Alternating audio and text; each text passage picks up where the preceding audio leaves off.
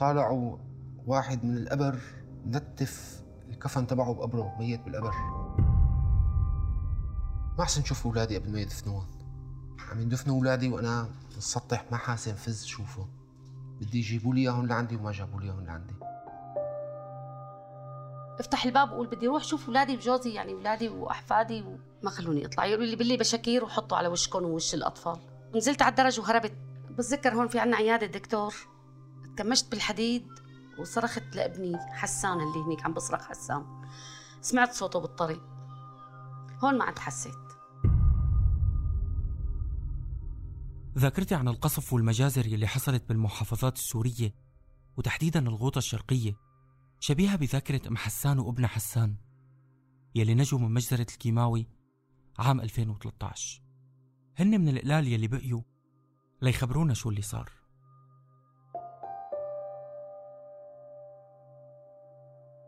أهلا فيكن ببودكاست بين الناس. أنا تيم سيوفي بهالحلقة رح نروح على الغوطة الشرقية بريف دمشق وتحديدا مدينة زملكة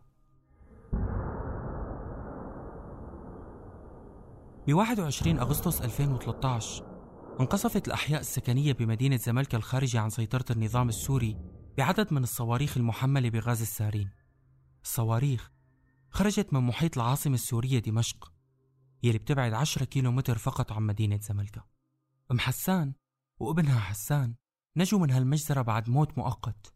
وافقوا أنهم يحكوا عن ذكريات المجزرة الأليمة يلي فتحت لهم كتير جروح من الماضي لتبقى شهادتهم ذاكرة للتاريخ.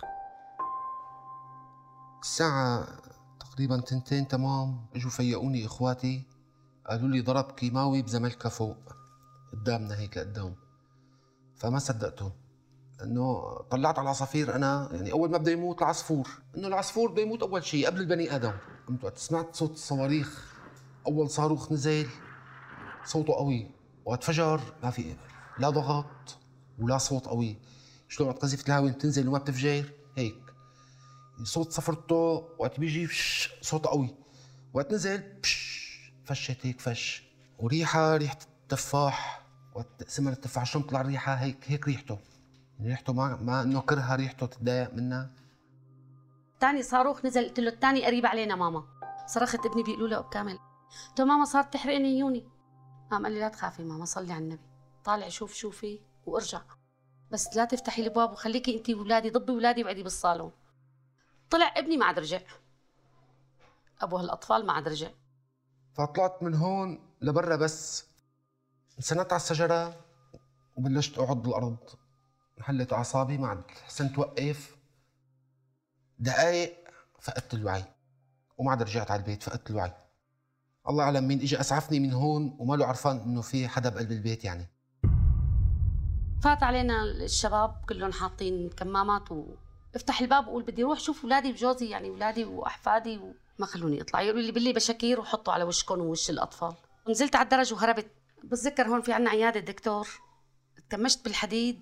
وصرخت لابني حسان اللي هنيك عم بصرخ حسان. من قوية الريحة ما عاد حكيت. حكي ما عاد طلع ما عاد قدرت حكيت وقعت بالأرض. إيه، ابن حمالة ابني ضوى بالبيل قام شافني. قام اجى حملني قال له أمك وقعت. واجى حملني. هن حاطين كمامات. السارين هو سلاح كيميائي محرم دوليا. بيتميز بقدرته السريعة على التقلب من حالة السائل لحالة الغاز. وبيقدر ينتشر بالجو بسرعة كتير كبيرة. بيصيب الأشخاص من خلال ملامسته للجلد أو ملامسته للعينين أو عن طريق الاستنشاق. الشخص يلي بينشق السارين ممكن يحس بعوارض مثل سيلان الأنف وألم وحرقة العيون وصغر حجم البؤبؤ إضافة لعدم وضوح بالرؤية والسعال وضيق الصدر.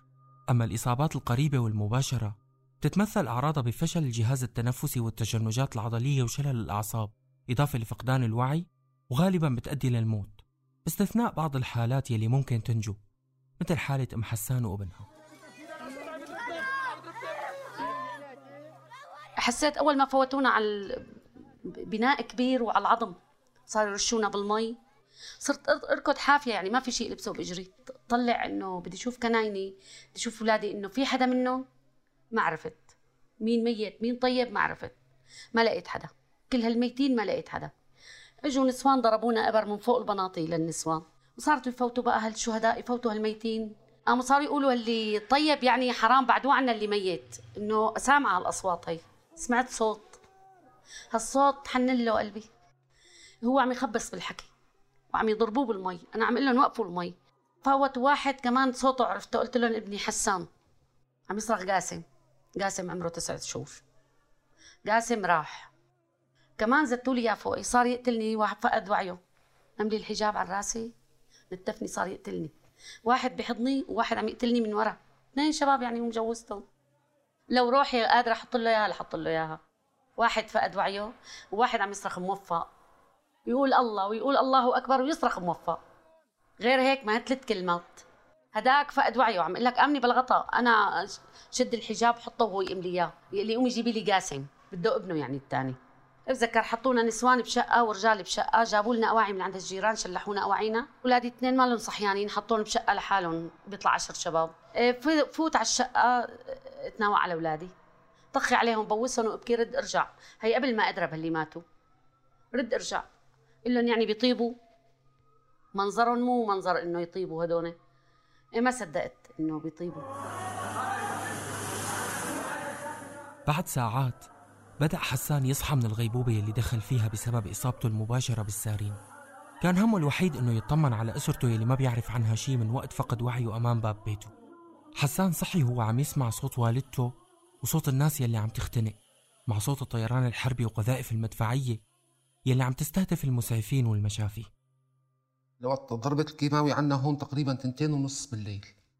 أنا ما صحيت لثمانية ونص الصبح أما وقت فقت وشفت الحجة قدام مني يعني شغلة كبيرة. شفت الحجة أنا انه عايشه صرت أولادي بس بدي أولادي. يعني أولادي وأخواتي تركت أخواتي. أنا في لي أخي أب كامل هذا أصغر مني بسنة. هذا الوحيد اللي صحيان بيناتنا يعني. أكثر واحد هو صحيان بيناتنا. هذا اللي عم يدور. يعني عم عم يطلع يدور هو على على أولادي واولاد أخوه وأخواته. القصف ست طيارات بالسماء اللي عم يقصفوا. والهاون والراجمات وال يعني قصف باشكاله كان مطر بعد بساعتين اجى قال لي قال لي لقيت بنتك بتول قلت له وينها؟ قال دفنتها يا أخي ما تجيب لي إياها لهون. وراح. غطى له شي ساعة ساعة ونص رجع. قال لي لقيت مرتك. ومرت أخوك بقاسم. وبنتك مسرة. وبنتك سندوس. وأخوك إبراهيم. ودفنته. طلع خلقي عليه أنا بقى إنه جيب لي اياهم لهون. يا أخي بدي اشوفهم أنا أولادي بدي اشوفهم قبل ما ادفنهم أنا بدفنهم قال هذا اللي صار. ما أحسن نشوف أولادي قبل ما يدفنون. عم يدفنوا أولادي وأنا مسطح ما حاسن فز شوفه. بدي يجيبوا لي إياهم لعندي وما جابوا لي إياهم لعندي. ثمان أشخاص من أسرة حسان فارقوا الحياة. زوجته وأطفاله الثلاثة وزوجات إخواته وإخواته الصغار. وقام عمهم بدفنهم. باستثناء طفله الصغير محمد يلي كان ضايع بين مئات الأطفال يلي عم ينتظروا من يدفنهم. حسان كان عنده أمل كبير إنه يكون ابنه عايش وبدأ رحلة البحث عنه رغم انهيار أعصابه وغباش عيونه أنا ما شفت بأولادي غير ابني محمد الصغير ففت على المشفى الأطفال مليانة الأرض. يعني إذا بقول لك 100 طفل 80 طفل يمكن أكثر كل أطفال بحفوضات فضربت عيني على بيجامة ابني حافظ لون بيجامته أنا. أنا الملامح الوش ما بعرفها ما عم شوفها من الكيماوي. شفت بيجامته. فدعست على الأطفال دعست على الشهداء يعني ما عاد حدا حسني كمشني. وركضت حملتهم من الأرض.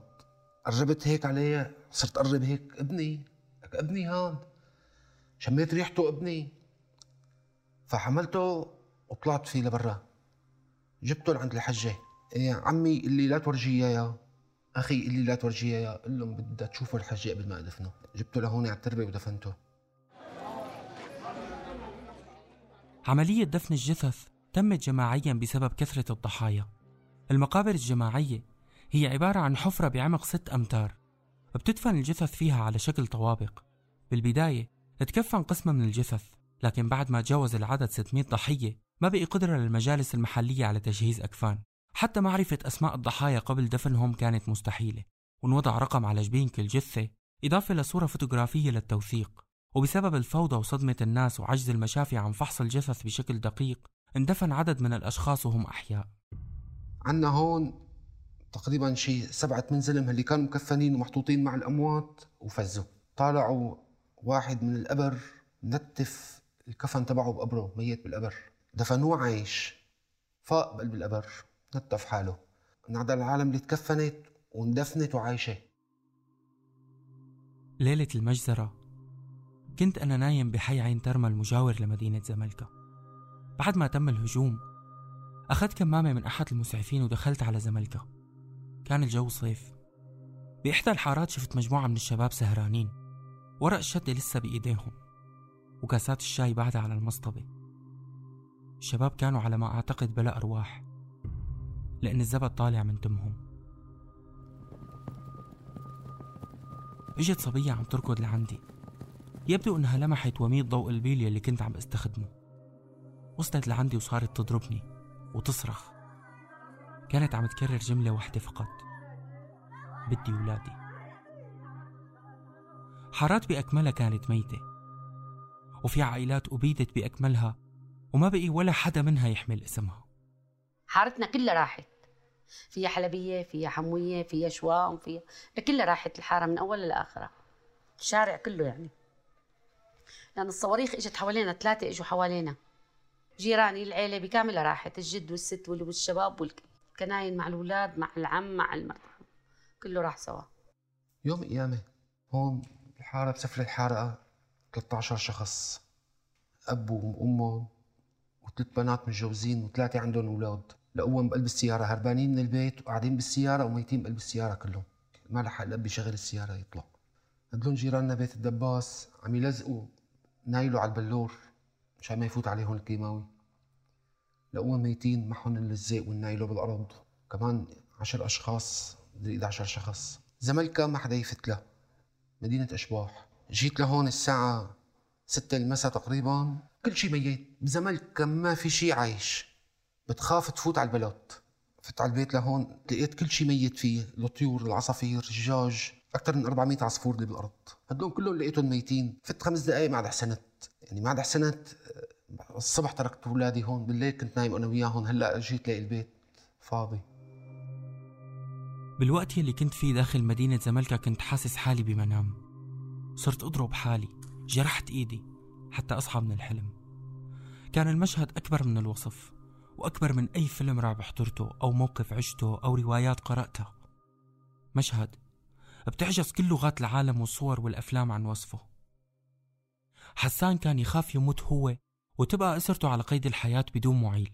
ما كان متوقع أبدا أنه يحصل العكس وأنه يموتوا أطفاله وزوجته وإخواته بدون ما يودعهم أو حتى يعرف مكان قبورهم. حسان كان فائد الأمل بكل شيء وعم يفكر بالموت. وبلحظة من لحظات اليأس إجا خبر لحسان رجع له الأمل بالحياة وأعطاه فرحة كبيرة جدا لا يمكن وصفها تاني يوم بالكيماوي قاعد عند عمي عم يدوروا بقات لسه في أولاد ابنه مفقودين. ما شوف غير صفة سيارة فبيجي عمي جايب لي بنتي بتول هي اللي دفن عمها بكامل. ردت لي الروح. يعني كنت ميت. وروحي ردت لي. المسعفين أسعفوها. أول ما فاتوا عليها فاقدة الوعي. فحطوها بالباص مع ميتين كمان مع شهداء. إيه واحد منهم حس عليها إنه عايشة. يعني لو ما هالزلمه حس عليها إنه عايشة فيها روح كانت اندفنت عايشة. فشلون بدي إلا لستة إنه لقيت بتول عايشة. بتعرف إنه الكل ماتوا. سبحان الله تميت شي ساعة. طارت الصغيرة برا بتنبع بالمزرعه وعم زبط الحجة. ما تتفاجئ الحجة. الله قدرني يعني هيك سبحان الله وفوتنا لها بعدين. يعني ورجعت ادور على أولادي اللي دفنهم عمو. معناتها عايشين وما عرفانين نحن. بتول كان عمرها تسع سنوات وقت حصلت مجزرة السارين عام 2013 بتول حكت لجدتها كيف مات أخوها موفق وأمها وعمومها. هلا البنت بتقلك بتقلك ماتت ماما أول وحدة. المصحف بإيدها قاعدة عم تقرأ مصحف بالقرآن. أنا حسبها نامت بس طلع زبد أبيض من تمها وبعد منها ماتت مسرة. كمان قالت لي تيتا نيمتها قدام أمي كمان طلع زبد أبيض من تمها. موفق قالت لي يضحك يضحك وقف على الحيط عمره ثلاث سنين أربع سنين. بعدين قلب هيك قالت لي قالت لي موفق عرفته إنه مات. ابكي وأصرخ له عمومي ما ردوا علي. نايمين ما ردوا علي. بالمرة ما ردوا علي. في عمها شاب ما رد عليها. أحمد اسمه. إبراهيم مثل ما هو تم نايم كمان. قالت لي ما حكت شيء كنتي الصغيرة اللي عندها بس ولد؟ هي فقدت عقلها وقامت بالغطا فاتت الناس يعني لقيتها بالغطا جنت. بعدين قالت لي تيتي بأرض الديار فاتحة باب الصقاق بدها تطلع بلغطا طب بتم باب الصقاق ملاقينا بعد مرور ست سنوات على المجزرة أم حسان ما قدرت ولا لحظة تنسى أولادها وأحفادها اللي فقدتهم وخصوصا ابنها الأصغر إبراهيم. ولا ليلة بنام إلا بعد أساميهم واحد واحد. ولا ليلة إلا بقرأ لهم وبعد أساميهم واحد واحد. وبرضى عليهم واحد واحد. بس أصغر واحد عندي إبراهيم كنت معلقة فيه كتير. كان عمره 11 سنة. بقول لو خليته بس ما له شقة بالدنيا لو خليته ببيت أخوه معي ما كان مات. بيقولوا لي حرام لا تقولي هيك ماما. قال لي أعطيني 200 ليرة لأشتري بوصه الساعة 11 بالليل. قلت له هي 200 ليرة. وبعته هذا محروق قلبي عليه كمان لأنه يعني ما خليته عندي. بس بس كلهم فرد سعر يا ابني. هلا عندي كله فرد سعر الله يحن عليهم كلهم. الله يرضى عليهم كلهم. بس ما بينتسوا يعني. عدد ضحايا مجزرة السارين بالغوطة بريف دمشق وصل لل 1400 مدني بحسب إحصائيات المشافي والمجالس المحلية بالغوطة. منظمة هيومن رايتس ووتش أكدت بعد أيام من الهجوم حصولها على أدلة توضح وقوف النظام السوري وراء المجزرة. أما الرئيس الأمريكي بوقتها باراك أوباما وجه تهديد مباشر للنظام السوري واعتبر المجزرة تجاوز للخطوط الحمراء. وجميع سكان الغوطة كانوا على ثقة أنه رح يتم محاسبة النظام يلي ارتكب المجزرة. لكن بعد مرور تسع سنوات على الثورة السورية وست سنوات على مجزرة السارين النظام لسه مستمر بقتل المدنيين بالمعتقلات وكل المحافظات السورية. وهذا الشيء جعل حسان وأم حسان وأنا وكل السوريين نفقد الأمل بكل دول العالم. متوقعين يكون شي دولة يا دولتين إنه يكونوا معنا؟ لا كله علينا. كله بنشكي الله. في رب العالمين. ما في كله علينا يا ابني ما في حدا معنا. كنا عم ننتظر شيء بس هلأ ما في شيء ولا بنتامل منهم شيء لصالحنا نحن لا ما بنتأمل منهم شيء وإذا بنتم هيك 100 سنة ما لازم نتأمل منهم شيء لأنه ما حيعطونا شيء ولا حيساووا شيء إذا بيتركونا لحالنا أحسن لنا. ما بنتأمل لا من الغرب ولا من العرب. ولا, ولا من المسلمين كمان اللي برات هالبلد لأنه ما صفى لا إسلام ولا صفى حدا يحكي كلمة وينفذها ولا صفى شيء وعود كاذبة وتجارة بالدماء. إصابة حسان المباشرة بالسارين سببت له مشاكل صحية خطيرة جعلت منه شخص عاطل عن العمل لكن عودة بنته بتول للحياة رجعت له شوية أمل ونجحت أم حسان بإقناعه بالزواج من جديد بعد رفضه للفكرة لسنوات وأنجبت زوجته الجديدة طفل وسماه موفق على اسم ابنه يلي مات بالمجزرة. عيون وجع عيون أه وجع راس أعصاب ما في يعني أعصاب تالفة تلفانة على الآخير. يعني أسناني راحوا أنا. يعني هلا لهلا أسناني راحوا من الكيماوي من وقت الكيماوي لهلا. صاروا يهروا أسناني لحالهم. بتول حياتي هلا هي. الله يرضى عليها يعني هلا تعتبر هي عم تربي أخوها. يعني هلأ ابني عمره سنة وثلاث اشهر تعتبر هلأ بتول اللي بدها تربيه يعني عم تربيه الحمد لله الله كرمني بالبنت ضلت عايشة وصامدين نحن يعني ما زعلانين بال يعني إنه زعلنا لأنه قمنا بالثورة ولأنه ساوينا هيك ولأنه عملنا لا. بالنسبة للأولاد الله بعتهم والله أخذهم. وبالنسبة لنا نحن هلأ عايشين يعني صحيح الأمور تعبانة كثير بس أما الحمد لله. هذا اللي الله كتب لنا إياه. ونحن قبلانين فيه. أنا بالنسبة إلي التسوية مع النظام يعني مستحيل أقبل فيها. قتل لي أولادي. فإذا بدي أطلع لبرا وشوف عسكري من عند النظام واقف برا مستحيل أقبل ضل عايش. مستحيل يعني أقبل إني ضل عايش. أنا مستحيل.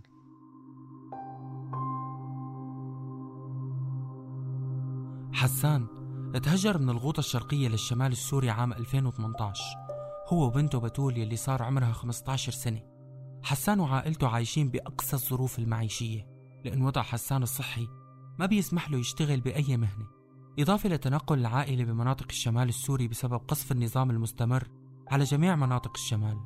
حسان وأم حسان وبتول هن عيلة واحدة من آلاف العيال السورية اللي شافت الموت بعيونها. الحرب بسوريا ما رحمت المدني. ولا الصغير ولا الكبير. هاي الحرب مش بس أقصى ما مر على سوريا والسوريين بل أقصى ما عاشته البشرية. وهي الحلقة تحية لروح كل من سقط بالمجزرة وكل حي ضل متمسك بحقه بالحياة رغما عن القتل. غيرت أسماء الضيوف للحفاظ على خصوصيتهم وسلامتهم تابعونا بالحلقات المقبلة وبودكاست بين الناس. كنت معكم بالإعداد والتقديم أنا تيم السيوفي. أنتج هذا البودكاست بدعم من مؤسسة هاينريش بول